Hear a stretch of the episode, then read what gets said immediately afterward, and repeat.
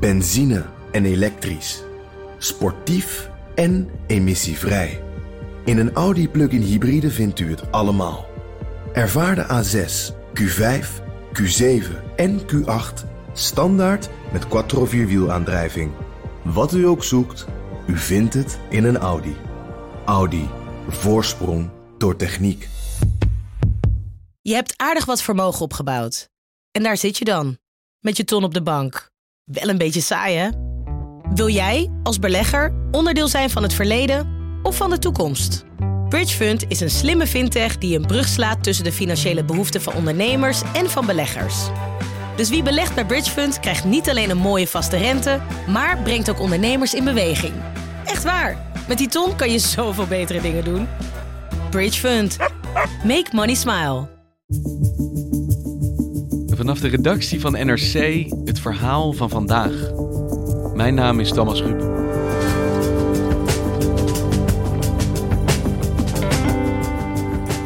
Vandaag begint het Songfestival in Tel Aviv. En dat een week nadat Israël en Gaza elkaar bestookten met honderden raketten en bommen. De timing lijkt niet toevallig. Maar de meeste doden vielen aan de zijde van Gaza. Wat heeft Hamas te winnen bij een zoveelste ronde vernietiging?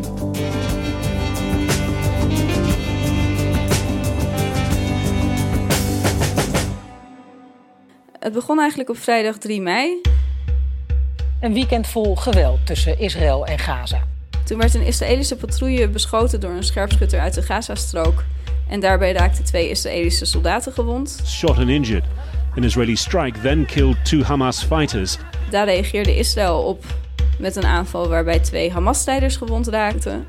Their deaths and a subsequent Israeli drone strike preceded Saturday's barrage of rocket fire out of Gaza. En toen ging het eigenlijk vanaf zaterdagochtend vroeg helemaal los met raketten vanuit de Gazastrook.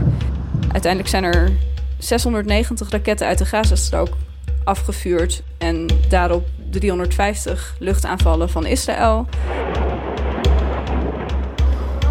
Nee, er zijn uiteindelijk 25 Palestijnen bij omgekomen en 4 Israëli's.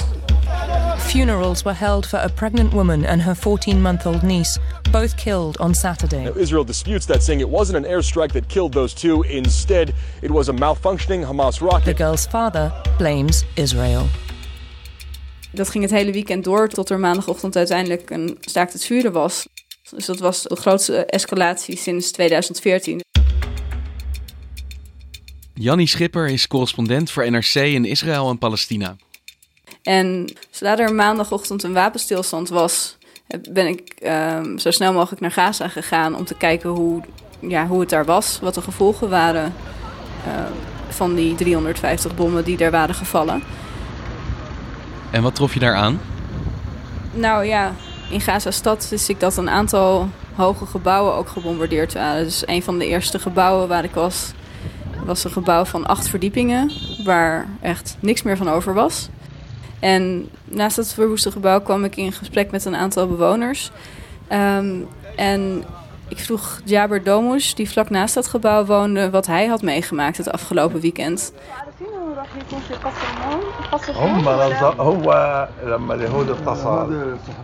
En hij vertelde dat hij zondagmiddag even aan het rusten was om vijf uur middags. En dat er toen ineens keihard op zijn deur werd gebonst. En daar stond zijn zwager voor de deur om te vertellen dat ze zo snel mogelijk het huis uit moesten, omdat het gebouw ernaast gebombardeerd zou worden. En hoe wist zijn zwager dat dan? Uh, nou, zijn zwager was gebeld door een Israëlische inlichtingenofficier. Eigenlijk was Jaber ook gebeld door die inlichtingenofficier, maar ja, die lag dus te slapen. Dus die had een uh, telefoontje op zijn mobiel gemist. Maar die bellen dan dus vijf minuten van tevoren van... wij willen dat gebouw gaan bombarderen. Eh, waarschuw iedereen in dit gebouw dat ze eruit moeten. Ja, dus pak je vrouw en kinderen bij elkaar en eh, wegwezen, de straat op. Maar waarom bombarderen ze een gebouw waar je mensen voor moet waarschuwen om eruit te gaan? Dat lijkt ook een beetje zijn doel voorbij te schieten dan, toch? Ja, ehm, ja, dat is speculatie. Waarom ze dat precies zo doen. Maar in ieder geval, Israël zegt altijd dat het op een of andere manier een militair doel is. En de burgers die er omheen wonen zeggen eigenlijk bijna altijd dat er of geen militair doel was, of dat er in ieder geval veel meer geraakt is dan het militaire doel op zich. Maar een gemiste oproep heeft deze man dus bijna zijn leven gekost. Ja, dat zou je kunnen zeggen, ja. Ja. Dus toen zijn we een beetje over de, over de blokstukken geklommen, zeg maar, zijn huis in. Toen wees hij eerst de deur aan van die zou... Ze hadden een metalen deur in het huis en die was echt vijf meter weggeblazen of zo. Dus die lag nu aan de andere kant van de kamer of wat er van de kamer over was.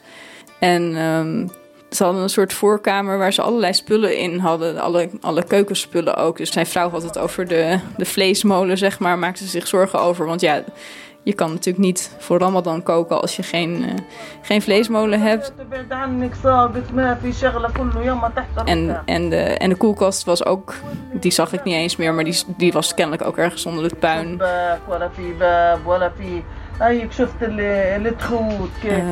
ja, er was gewoon niet heel veel meer over van waar zij leefden. Die zaten daar een beetje op de grond, een beetje verdwaasd voor zich uit te kijken.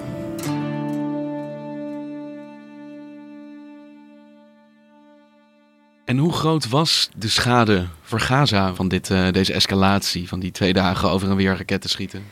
Ja, je zag niet in het straatbeeld direct van hier is een totale oorlog geweest. Want het was natuurlijk uiteindelijk een, een korte escalatie. Ja, we zijn langs een aantal gebouwen gereden die toch echt wel uh, totaal in puin lagen. Maar in de enorme bevolking van Gaza zie je het dus maar beperkt. Want er wonen er wel 2 miljoen mensen. Dus als je daar over straat gaat, is het niet. Je ziet ook gewoon mensen boodschappen doen. Je ziet ook gewoon mensen ruzie maken. Um, er gaat ook gewoon een leven door. En het is natuurlijk. was de eerste dag van de Ramadan. Dus mensen zijn ook daarmee bezig. Gewoon weer toch hun leven oppakken en naar de supermarkt en inkopen doen. Dus het was de grootste escalatie uh, eigenlijk sinds 2014, maar het is niet zo dat dan het leven helemaal stilstaat uh, hierdoor. Nee, het leven heeft twee dagen stilgestaan. Ik bedoel, ik heb, niet, ik heb niemand gesproken die wel had geslapen die twee dagen. Maar ter vergelijking, ik ben er één keer geweest dat er s'nachts wel een aanval was, een grote klap bij een gebouw naast, uh, naast waar ik sliep. Nou ja, dat was om twee uur s'nachts. Ik heb echt de rest van de nacht niet meer geslapen hoor. Dus ja, stel je voor dat keer 300 in 48 uur tijd. Ik heb ook een moeder daar gesproken die, er, die met vijf kindertjes achter zich aan door de supermarkt hobbelde. En die hebben zich het hele weekend aan, aan mama vastgeklampt. En die escalatie die kwam voor Israël op een behoorlijk kwetsbaar moment dus. Je hebt natuurlijk dat Songfestival, eh, waardoor internationaal natuurlijk de blik op Israël gericht was. Heeft dat misschien een rol gespeeld om juist het conflict nu te laten escaleren? Dat het Songfestival eraan kwam? Ik denk zeker dat dat moment strategisch gekozen is. Want het is natuurlijk een heel goed moment om druk uit te oefenen op Israël.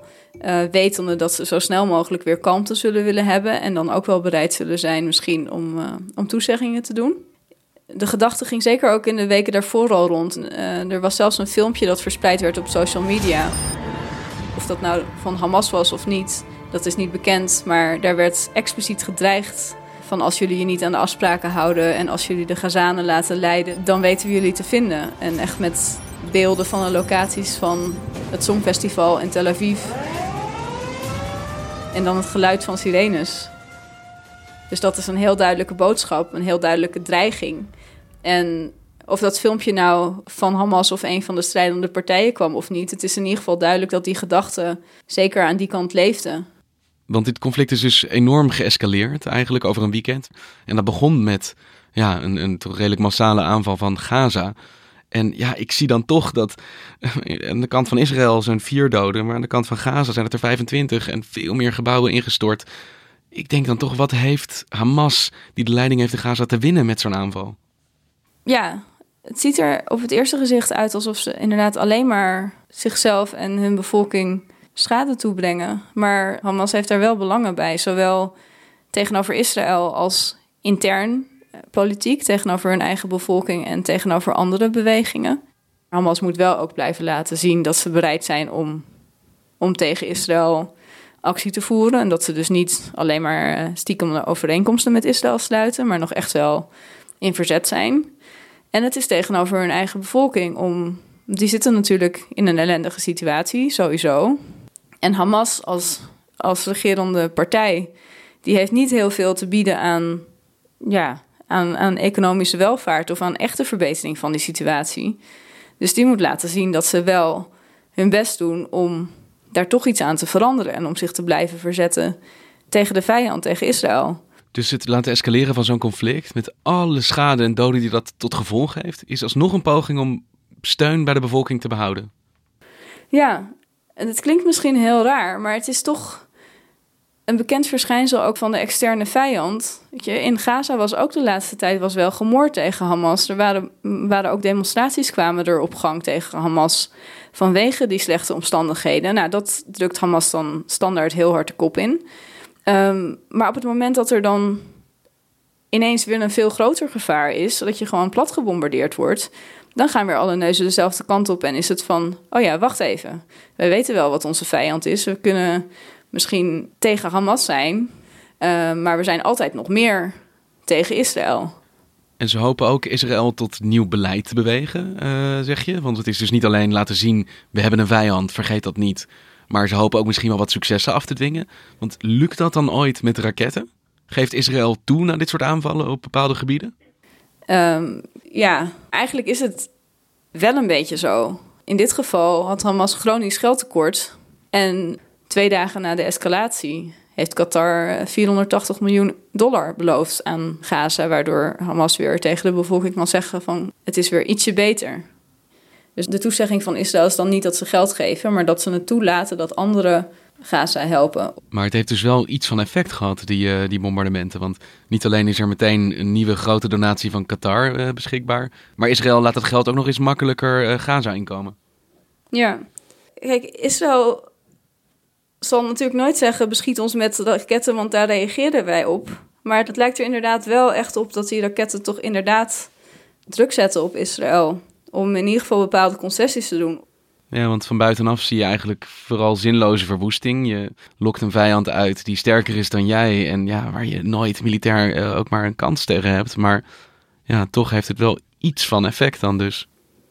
Ja, er zit, het, uh, het ziet er heel cynisch uit en dat is het ook. Maar er zit uiteindelijk wel een strategie achter van Hamas en ook van Israël.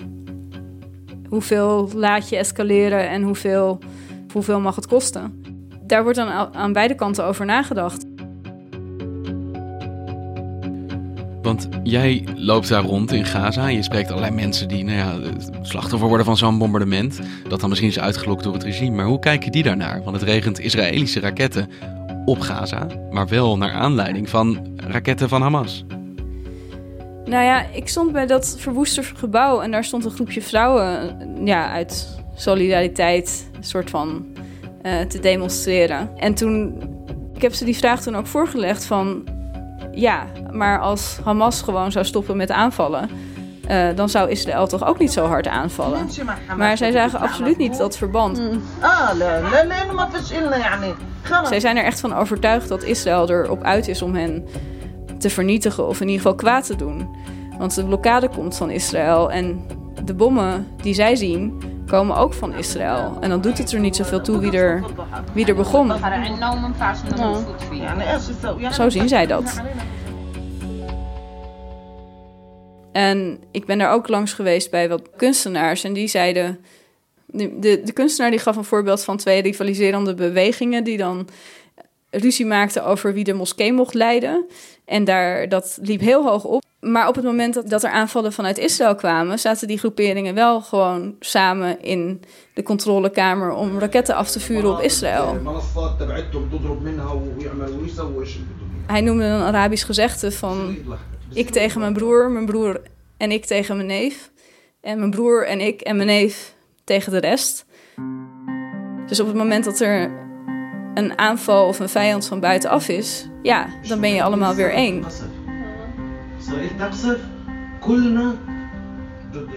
En nu heeft uh, Hamas uh, dus een wapenstilstand gesloten met Israël. Dus ja, in principe is, uh, zou het stil moeten blijven, zou je denken. Maar ja, het Songfestival gaat beginnen deze week. Wat verwacht je dat dat stand gaat houden? ja, ik denk wel dat het gedurende het Songfestival stand gaat houden. Hoe lang het daarna stand houdt is nog zeer de vraag. Maar het zou wel ongelooflijk hoog spel zijn om dan nu alsnog tijdens het Songfestival iets te gaan doen. Want dat was natuurlijk juist hun, uh, juist hun drukmiddel wat ze vlak daarvoor hebben ingezet. Dus als ze dat nu ehm, als ze nu tijdens het Songfestival alsnog raketten op Tel Aviv gaan lanceren, ja, dan, dan, dan verliezen ze natuurlijk hun hele argument eigenlijk. Uiteindelijk heb je het natuurlijk over een onhoudbare situatie. Dus het is eigenlijk altijd de vraag: wanneer komt de volgende ronde weer? Het is nooit over. Dus ehm, het is zeer de vraag of er na het Songfestival of het dan nog lang stand gaat houden. Maar ja, ik ga eh, deze week gewoon naar Duncan kijken. Dus ik ga gewoon naar Tel Aviv. Dankjewel, Jannie. Jij ook, dankjewel.